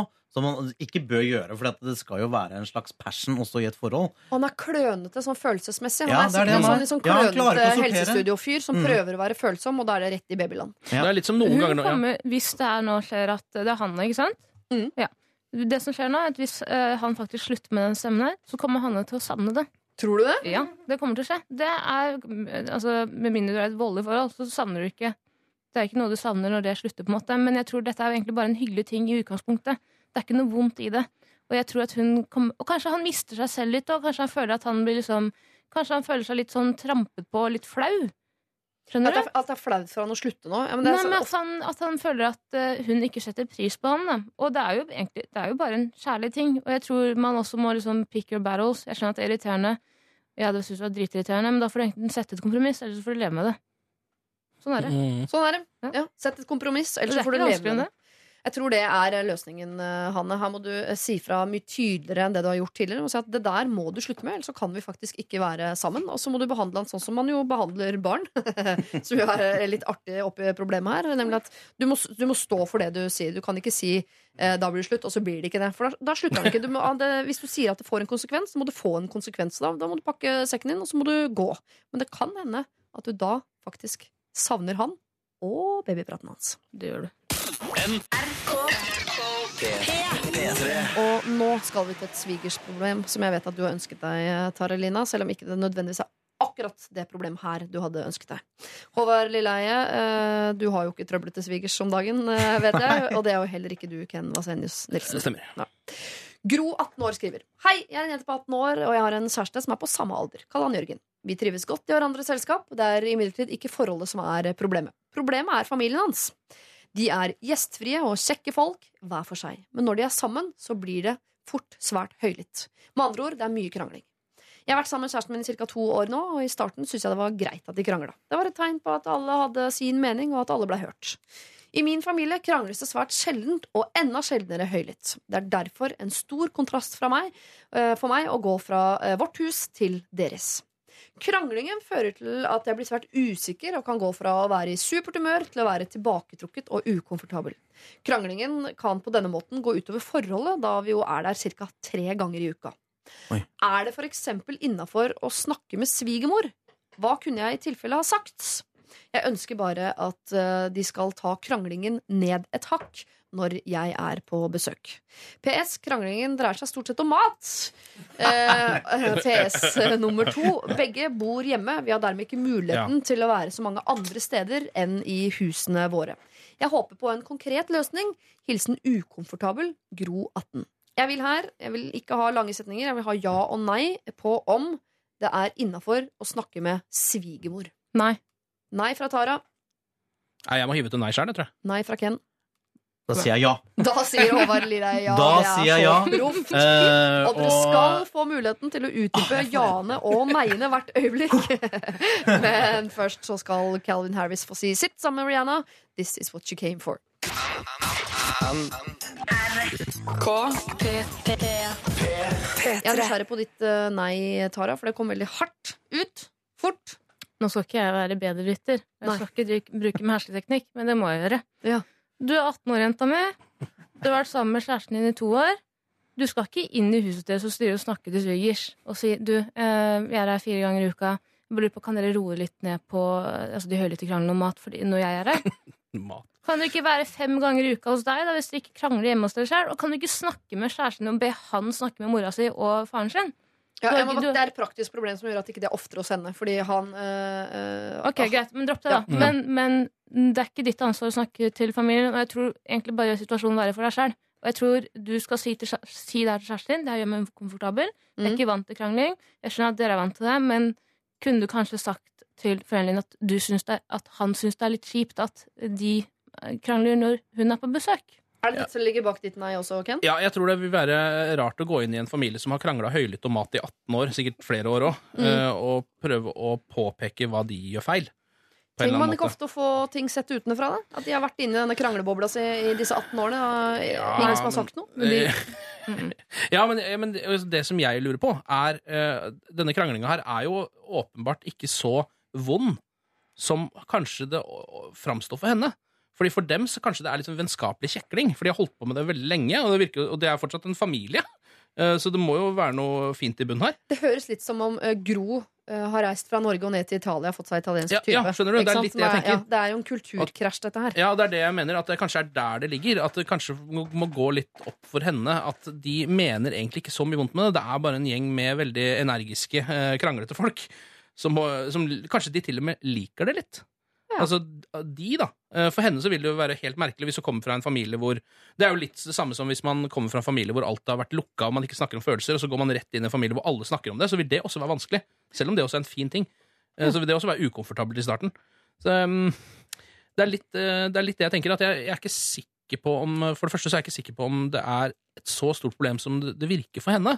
Det bare er Nei, jeg tror nok hun tar deres krangler med inn i sin familie og tenker at hvis min familie hadde kranglet sånn til hverandre, så hadde mamma og pappa uh, gått fra hverandre. Og Ja. da, er det jo, da er det jo alvorlig. Men Mm. disse har krangla sånn bestandig, de. Om mat. Det går fint.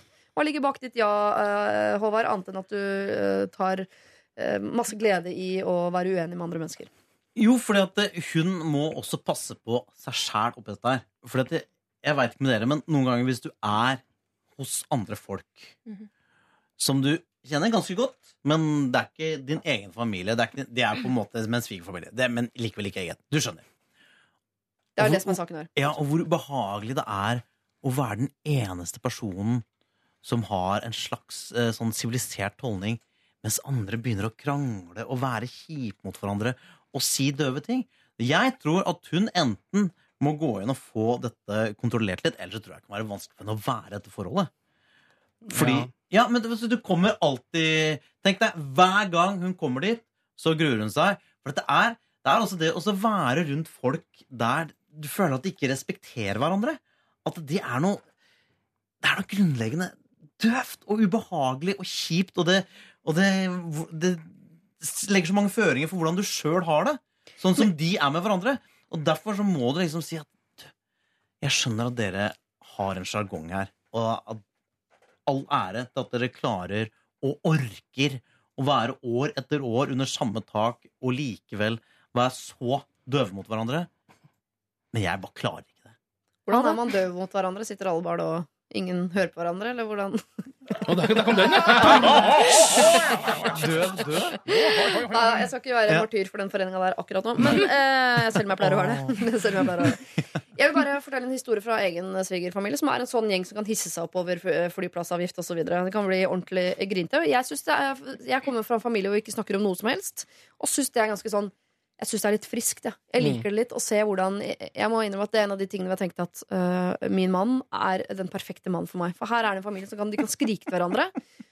Og dagen etter er alle like glad, og øh, alle er glad i hverandre. Og det, det at man krangler, øh, er ikke en trussel om at folk skal gå fra hverandre. Eller at de ikke liker hverandre sånn. Jeg syns egentlig det er et ganske sånn Et litt sunt miljø. Nå skal det sies at det er ikke hver gang. Nå en gang vi sto og skreik til hverandre, og jeg reiste meg og skreik og holdt på og krangla med svigers, og det var ordentlig sånn italiensk stemning. Om hva da? Om hva da? Hadde du hånda sånn her? miljøavgift på flybilletter. Ah. De var imot, jeg var for. ikke sant? Ja, ja, ja. Og da sa jeg men faen, jeg visste ikke at jeg hadde havna i en jævla ormegrop full av Frp-ere, sa jeg. Som ikke er det beste jeg har sagt i den familien.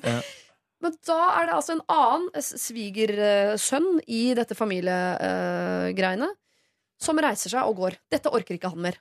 Og da skulle det være ganske stille i rommet. Alle bare Oi. Alle følte seg så dumme. Her sitter vi, det er jul, alle er glad i hverandre, og vi står og skriker til hverandre. Alle sluttet, og så lo vi litt, spilte yatzy.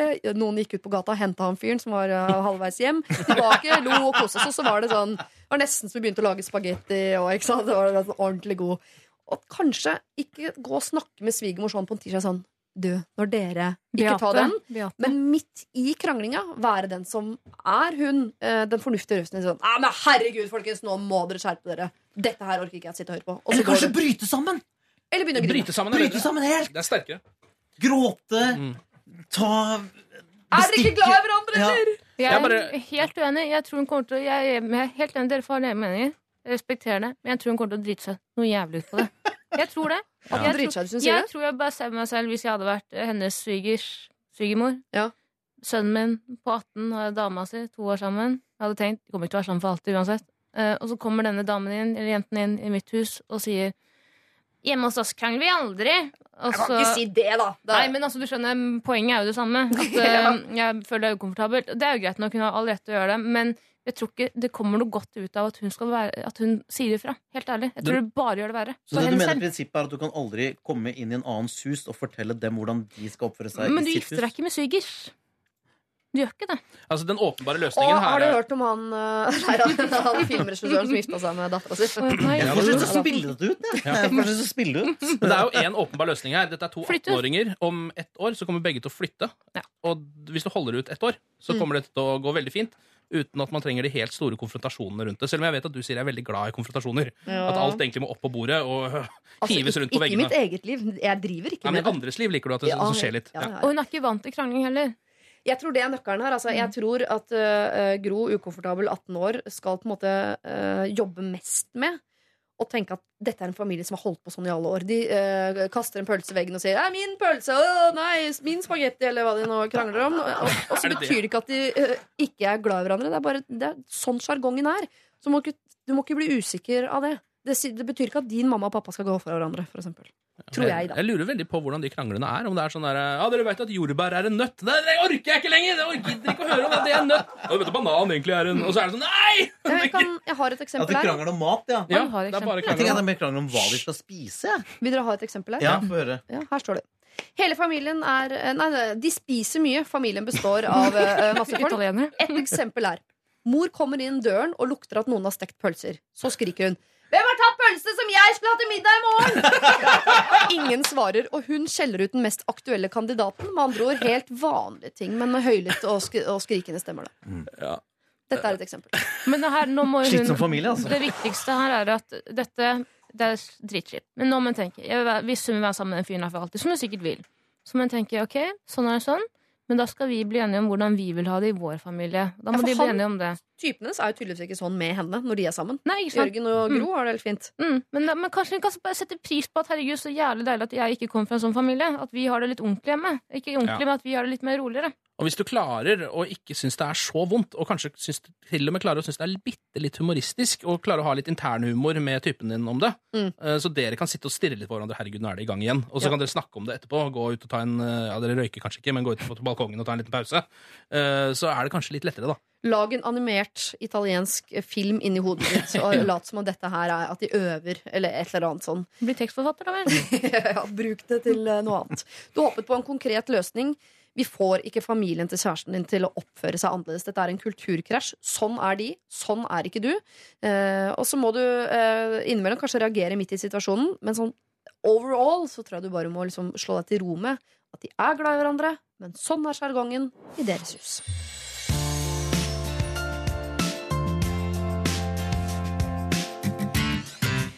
Imens du har hørt 21 Gun Guns, eh, Green Day og Running Out, Magnus Beckmann, så har dagens rådgivere, eh, Ken Vasenius Nilsen, Håvard Lilleheie og Tara Lina, snakket om avføringstabletter. Eh, Tara har noen avføringstabletter som er funnet på bakken mm. i Oslos gater, og tatt med seg. De er ikke løse, de, er ikke, de er ikke løse, de ligger jo inni et sånt brett. eh, så det er litt sånn, sånn er jo du. Sånn er jeg. Og det må vi jo bare respektere. Og det må du respektere. Ja. Men jeg la tror meg du få stille ungdommen. men la meg få stille et oppfølgingsspørsmål. Hvorfor er det en, en, ikke en pille der? Hæ? Hvorfor det ikke er en pille der? Nei, nei, det, det er komplett, det brettet. Oh, ja, okay. ja, det er komplett brett. Oi, det var et brett til, ja, hvor du har begynt å forsyne deg ganske grovt. Dritetara. Men som det. jeg Men jeg for at det, eh, Vil du ha? Vil det heter Er det eh, spørsmål? Pursenid, heter det. Ja. Men er, er, det, er dette tabletter du har brukt selv? Uh, nei, jeg, men jeg, vi har Google. Ja, for du googlet det! Ja, ok, ja. Eh, Lommelegen.no. Mm. Det er veldig bra. Men hva er planen videre med de pillene? Planen er å dra hjem og Skal du bruke det? tømme ryggen. Det Klem ut en snickers, som du sier? Ja. Vi kan jo selge dem. Nei, altså Du får det her på apoteket til 40 kroner, tror jeg. Men, Ja, det gjør det, ja. men jeg kan jo prøve å selge det som om det er til noen litt yngre folk og si dette er MDMA, dette er ecstasy, Mm. dette er det beste du får. Mm. Du får det for 100 kroner. Ja. Så driter jeg noe skikkelig ut. Det blir en ganske morsom fest. Da prøver de ikke narkotika igjen. det Sånn. Nei, det kan være en fin læring for Er det er ikke bedre at ungene går på avføringsbriller enn uh, speed, Jo, det er bedre. som jeg pleier å si? Jo, det er kineserne er enig i det der. Eh, dere, vi skal ta morgenens siste problem. Jaha, Er det trist? litt. Mm. Jeg likte det. Hulda har skrevet inn. Jeg har en venninne. Vi går på skole sammen, bor eh, sammen på deltid i et kollektiv, og hundene våre er kjærester. Er dere med så langt? Kan du ta fra toppen en gang Ja. til? Hulda, Hulda. altså jeg, Ja. Hulda, har en venninne. Vi går på skole sammen, bor sammen på deltid i et kollektiv, og hundene våre er kjærester. Vi henger stort sett sammen, spesielt etter at vi ble single. Så har det seg sånn at jeg, på tur med henne, traff mannen i mitt liv. Han kommer til å flytte til Oslo med meg nå til høsten, og siden han er utenlandsk, så trenger han en adresse for å få seg jobb og hele den pakka der. Oi. Jeg har veldig lite rom, og vi prøver å få han inn i et av de litt større rommene i kollektivet, men jeg tror det blir vanskelig. Venninnen min er nemlig veldig sjalu på meg og typen, så hvordan skal jeg gå fram her? Jeg og venninnen min kommer fortsatt til å ses hver dag, uansett, og vi kommer til å henge sammen like mye som før. Dessuten er de to ikke samme type. Hun er stilren, og han er uh, grisekjekk, snill og god, men veldig harry østeuropeer. Hilsen Hulda. Nei, det er, mye, altså, det er mange, det er mange ting her. La meg prøve å rydde. Ja. Eh, Hulda tror ikke at det er en god idé at typen hennes og venninnen bor i samme kollektiv. Jeg tror ikke jeg heller. Men venninnen bor der. Så hva gjør man da? Men de de har aldri bodd sammen før, hun og typen. De har møtt hverandre på tur, nå skal han flytte inn i kollektivet. Det er jo kjempedumt, da. Er det dumt? Det er jo oppskriften på et uh, mislykket uh, tidligere langdistanseforhold. Flytter inn, og så går det til helvete etter en uke. Faktisk. Men jeg tror de akkurat har blitt sammen, og jeg tror det er eneste muligheten han har for å komme hit, og bo, eller komme hit er å bo hjemme hos Hulda. Det, tror jeg på en måte Er er, det litt sketchy? Ja, kan man ikke få seg en annen adresse? Ja, det tenker jeg også. Er det helt umulig å, f å finne Altså no, Noen andre han kan bo med La meg snu på det. Ja. Eh, Du har vært på interrail i sommer, Håvard Lilleheie. Ja. Truffet en nydelig fransk pike. oh. Så Dere er så forelsket Mm. ja, at du velger å flytte til Frankrike for å være bare sammen med henne. henne, henne, Ja, det har jeg henne. aldri gjort. Og så sier hun Å, det blir så fint, Håvard. Men du må finne en annen leilighet enn der jeg bor, for jeg skal bo med venninna mi. Nei, men disse, dette er jo De, de er yngre folk i en annen livssituasjon. Jeg, jeg, jeg kjøper ikke premisset. Men altså Nei, men ikke det. Fordi du, du har møtt en fyr, da. Ja. Eh, det er hyggelig, det, altså. Og for all del, alle fortjener å møte damer og fyrer så mye de bare vil. Eh, men nå må vi ikke glemme at også bikkjene er kjærester. Nei, men uh, At de også skal funke. Nei, men jeg bare tenker at hvis, hvis venninna hennes Ja. og han typen Mm. ikke liker hverandre, og hvis han flytter inn der du risikerer, du kan miste både venninne og type, vet du. Mm -hmm. uh, for det kan bli for mye for alle. Um, og jeg tenker at enten så må hun flytte sammen med han. Mm. Eller så må han bo et annet sted. Altså hun, Da må hun flytte sammen med han et annet sted enn kollektivet. For alle veit jo også at hvis du bor i kollektiv, og liksom alle er sånn single, så blir det sånn ett par. Ja, og folk begynner å irritere seg over det. Det er sånn Han bor gratis der inne og spiser maten, og det blir sånn Folk begynner å kjekle rundt det. Det er rart ingen har nevnt det. Men skulle Hulda vurdert å flytte ut av det kollektivet, eller? Ja, det var det vi nevnte. nevnt. Ja, ja, flytte Altså hvis, hun, hvis han trenger da en eller annen inngang, så får hun da hjelpe han ja, økonomisk da, i en startfase, sånn at de kan få seg en felles eh, leiebopel Mm. som de uh, deler. Et lite krypinn. Og jeg trodde du mente at han skulle få bo et annet sted. At Hulda skal bli boende med venninnen sin og bissen og det greiene der. Men vent litt nå, de bodde, en av dem bodde her på deltid. Ja. Ja. Bo sammen på deltid. Ja, hva det ikke det? Dette. Jeg tipper de er veldig veldig unge. Og så kommer de fra et sted hvor ikke det er videregående skole. Så de må, uh, i uka så må de reise inn til nærmeste storby for å gå på skole, og så bor de der. Altså Folk bor jo alene hjemmefra de er 16, vet du. Ja, sånn, ja. Ja, riktig, Mm. riktig. Jeg, jeg tipper det er noe sånt. Ja. Ja, jeg Og syns ja, jeg syns i hvert fall den verste løsningen eh, for meg er at eh, hun bare tar han inn i det kollektivet. For det tror jeg ikke er bra for noen. Da er det enten bedre at de to flytter et annet sted sammen. Ja. Eh, Jeg endrer meg. Jeg mener at han må, de må ordne en egen bopel til han. Ja. Og så må, må, så må hun og han finne ut av de kjærestegreiene eh, mens de bor på ulike adresser. Altså før, For hun har møtt den på ferie. Stormene, alle vet, Du møter folk på ferie. Det blir liksom mye ah, passion love. Og så tenker du hi, hi, hi, han er den eneste og sånn. Ja. Men så må han må komme inn, fungere i den hverdagen som en kjæreste med sin egen bopel. For det må de kunne klare å ordne. Altså, Hvis hun elsker han, og han elsker henne, og Schengen-avtalen gjør sånn at han eh, kan komme her og jobbe, det er ok, så må de bare ordne en egen bopel til han. Og så må de være liksom vanlige kjærester på hver sin adresse, til de da finner ut om hun ja, skal fortsette å bo i kollektiv, eller flytte inn med han. Han må bo for seg sjæl. Hun mister en av dem uansett. Og jeg tenker Nei, men hør nå. Hvis han Vladimir Mhm. flytter inn Jeg vet ikke om det er et polsk navn. Flytter inn i den leiligheten. Mm. Det som skjer da, er at venninnen kommer til å bli dritforbanna. Være sånn passiv-aggressiv. Og det som skjer da, er at han Vladimir også kommer til å bli jævla forbanna, og så kommer det til å bli sånn sjekling mellom hun venninna kommer til, dama da, kommer til å bare stå i midten av det her. Og det som ender opp med at hun venninna kommer til å gå til andre venner og snakke dritt om venninna si, for hun irriterer seg, Mm. og sånn og sånn. Og så går det til hundene, som må slå opp. Mm. Jeg delte rom Jeg hadde delt rom med bestehunden min en periode. Og så eh, flyttet eh, var kjæresten hennes ofte på besøk, og jeg digga han. Jeg syntes han var en dritfin fyr. Men man blir jo forbanna, fordi det er på en måte ditt eh, krypinn, og det er der du på en måte skal slappe av. Og jeg vet ikke hvorvidt man slapper av når venninna di og typen står og kliner på kjøkkenet. Når det ikke har vært en avtale fra starten, da. Jeg det burde liksom, da må man finne en ny løsning på det, og da må man starte et nytt kapittel. Hvis man virkelig mener at dette er typen for meg. Enig, Hulda. Hvis det er sånn at venninnen din vil ikke at eh, han typen her skal flytte inn, det vil hun sannsynligvis ikke, og det er ikke en god, uh, ikke en god løsning heller. I bokollektiv fungerer det veldig dårlig uh, at det bor et par der, faktisk. Det er til irritasjon for alle og enhver. Men han må skaffe seg en egen bopel, og når du flytter inn hos han, det må du nesten velge selv. Vi foreslår jo at ikke du gjør det med en gang. At du ser an typen litt grann lenger før du på en måte hopper inn med begge bein og armer og alt det der. La han bo uh, i nærheten. Uh, og så, hvis du uh, elsker han til jul også, så kan du vurdere å flytte inn i hans leilighet. Og det må venninnen din akseptere. Dette er P3. Hurt So Good synger hun Astrid S. Og nå skal vi dele ut en kopp her i Lørdagsrådet til den av problem innsenderne som har uh, rørt sjela deres i størst mulig eh, grad. Jeg skal uh, minne dere på hvilke problemer vi har hatt i dag, i rekkefølge fra 0900 og fram til nå. Vi har møtt Sigrid, som lurer på om hun skal jevne ut den moralske skjevheten i parforholdet. Det fordi han har vært en douchebag. Nå har hun muligheten til å gjøre noe som er douche tilbake. Nei, sa vi til det. Eller Pia, som eh, lurer eh, på om hun kan pipe eller bipe Coop-kortet sitt på andres matvarer når de selv ikke har Coop-kort. Ja, sa vi vel til det.